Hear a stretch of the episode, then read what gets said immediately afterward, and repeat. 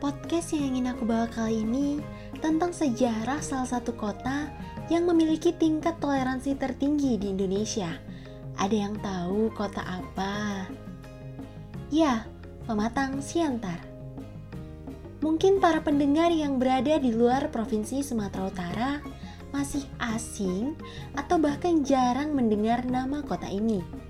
Atau bagi sebagian orang, nama kota ini sudah familiar di telinga. Pematang Siantar adalah kota terbesar nomor 2 setelah kota Medan yang berada di Provinsi Sumatera Utara. Pematang Siantar juga masuk ke dalam 10 besar kota dengan tingkat toleransi tertinggi di Indonesia. Nah, bagaimana sih sejarah kota Pematang Siantar? Sebelum menjadi kota Pematang Siantar, daerah ini merupakan sebuah kerajaan dalam kajian literatur, kerajaan di daerah Simalungun ini dipimpin oleh Raja Jumurlang dan Datu Bolon. Nama pematang Siantar tersebut diawali dari cerita kedua tokoh ini, yang mana keduanya memiliki kesaktian mandraguna dan saling mengadu kesaktiannya. Di suatu hari, kedua tokoh ini mengadakan pertandingan kesaktian dan bagi pemenangnya akan mendapatkan hadiah berupa tanah atau wilayah dan harta benda serta istri orang yang dikalahkan. Adu tanding kesaktian di kala itu sudah biasa dilakukan. Namun, pertandingan antara Raja Jumurlang dengan Datu Bolon dinilai sangat luar biasa karena kesaktian mereka yang sangat tersohor. Sehingga masyarakat jadi penasaran dan ingin segera tahu siapa sih yang menjadi pemenangnya. Adu kesaktian pun berlangsung di daerah Bukit Parbijaan di Pulau Holong. Tak diduga, dalam adu kesaktian itu dimenangkan oleh Datu Bolon, sedangkan Raja Jumurlang kalah. Dan secara kesatria, kedudukan Raja Jumurlang berpindah kepada Datu Bolon. Lalu, dari mana sih asal kata pematang siantar? Tak banyak orang tahu asal muasal nama daerah ini. Apalagi generasi muda sekarang sudah tidak tertarik mempelajari lebih jauh tentang budaya. Hanya segelintir orang, sesepuh, atau budayawan bahkan pelaku sejarah saja yang tertarik mempelajari sejarah wisata daerah ini. Nama Siantar atau Siatar berasal dari nama sebidang tanah di daerah Ataran pada Pulau Holong. Dalam bahasa Simalungun, Atar ditambah akhiran an artinya kata untuk menunjukkan sebuah wilayah atau areal tanah. Lama-kelamaan, akhiran an ini berubah menjadi awalan si. Sementara Awalan si dalam bahasa Simalungun dipakai untuk sebuah kata untuk menunjukkan tempat dan benda. Setelah digabung, akhirnya kata-kata itu menjadi nama sebuah perkampungan. Sedangkan kata pematang berasal dari bahasa Batak perhutaan yang artinya perkampungan.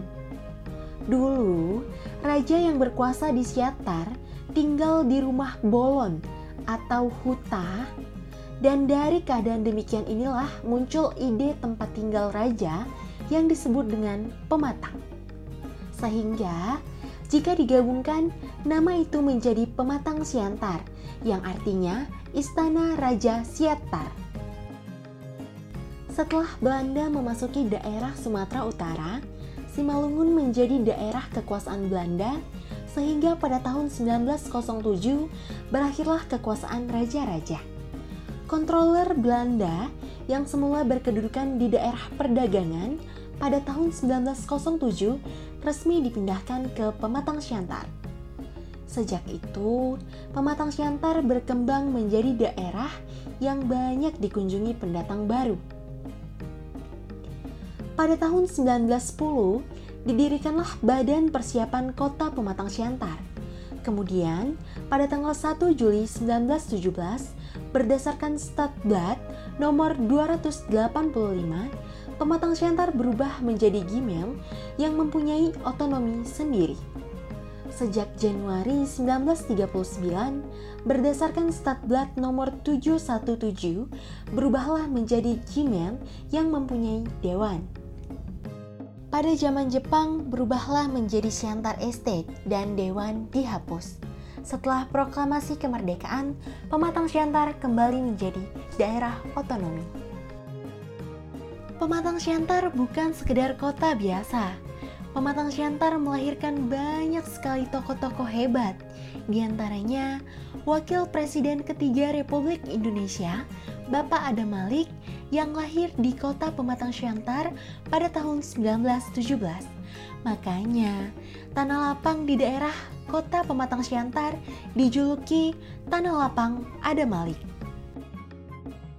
Setelah kita mempelajari sejarah kota Pematang Siantar, aku mau nambahin dikit nih tentang objek-objek wisata apa aja sih yang bisa kalian kunjungi kalau kalian datang ke kota Pematang Siantar. Sayang banget kan, udah belajar tentang sejarah kota Pematang Siantar, tapi nggak mampir kemari. Objek wisata yang pertama adalah Taman Hewan Pematang Siantar. Taman hewan atau sering dikenal dengan kebun binatang ini merupakan taman hewan yang paling tua dan terbaik yang berada di Provinsi Sumatera Utara. Taman Hewan Pematang Siantar dikelola oleh Bapak Rahmat Syah. Beliau adalah ayah dari seorang artis yang bernama Ralin Syah. Taman Hewan Pematang Siantar ini menyimpan banyak sekali spesies hewan di dalamnya Selain hewan, juga terdapat ratusan pohon yang ditanam di dalamnya. Hal ini menambah kerindangan dan kesejukan saat kalian berada di Taman Hewan Pematang Siantar. Objek wisata kedua adalah Vihara Avalokitesvara. Vihara Avalokitesvara ini terdapat patung Dewi Kuan Im di dalamnya. Patung Dewi Kuan Im ini menjadi salah satu lokasi yang sangat rugi jika dilewatkan saat berada di kota Pematang Siantar.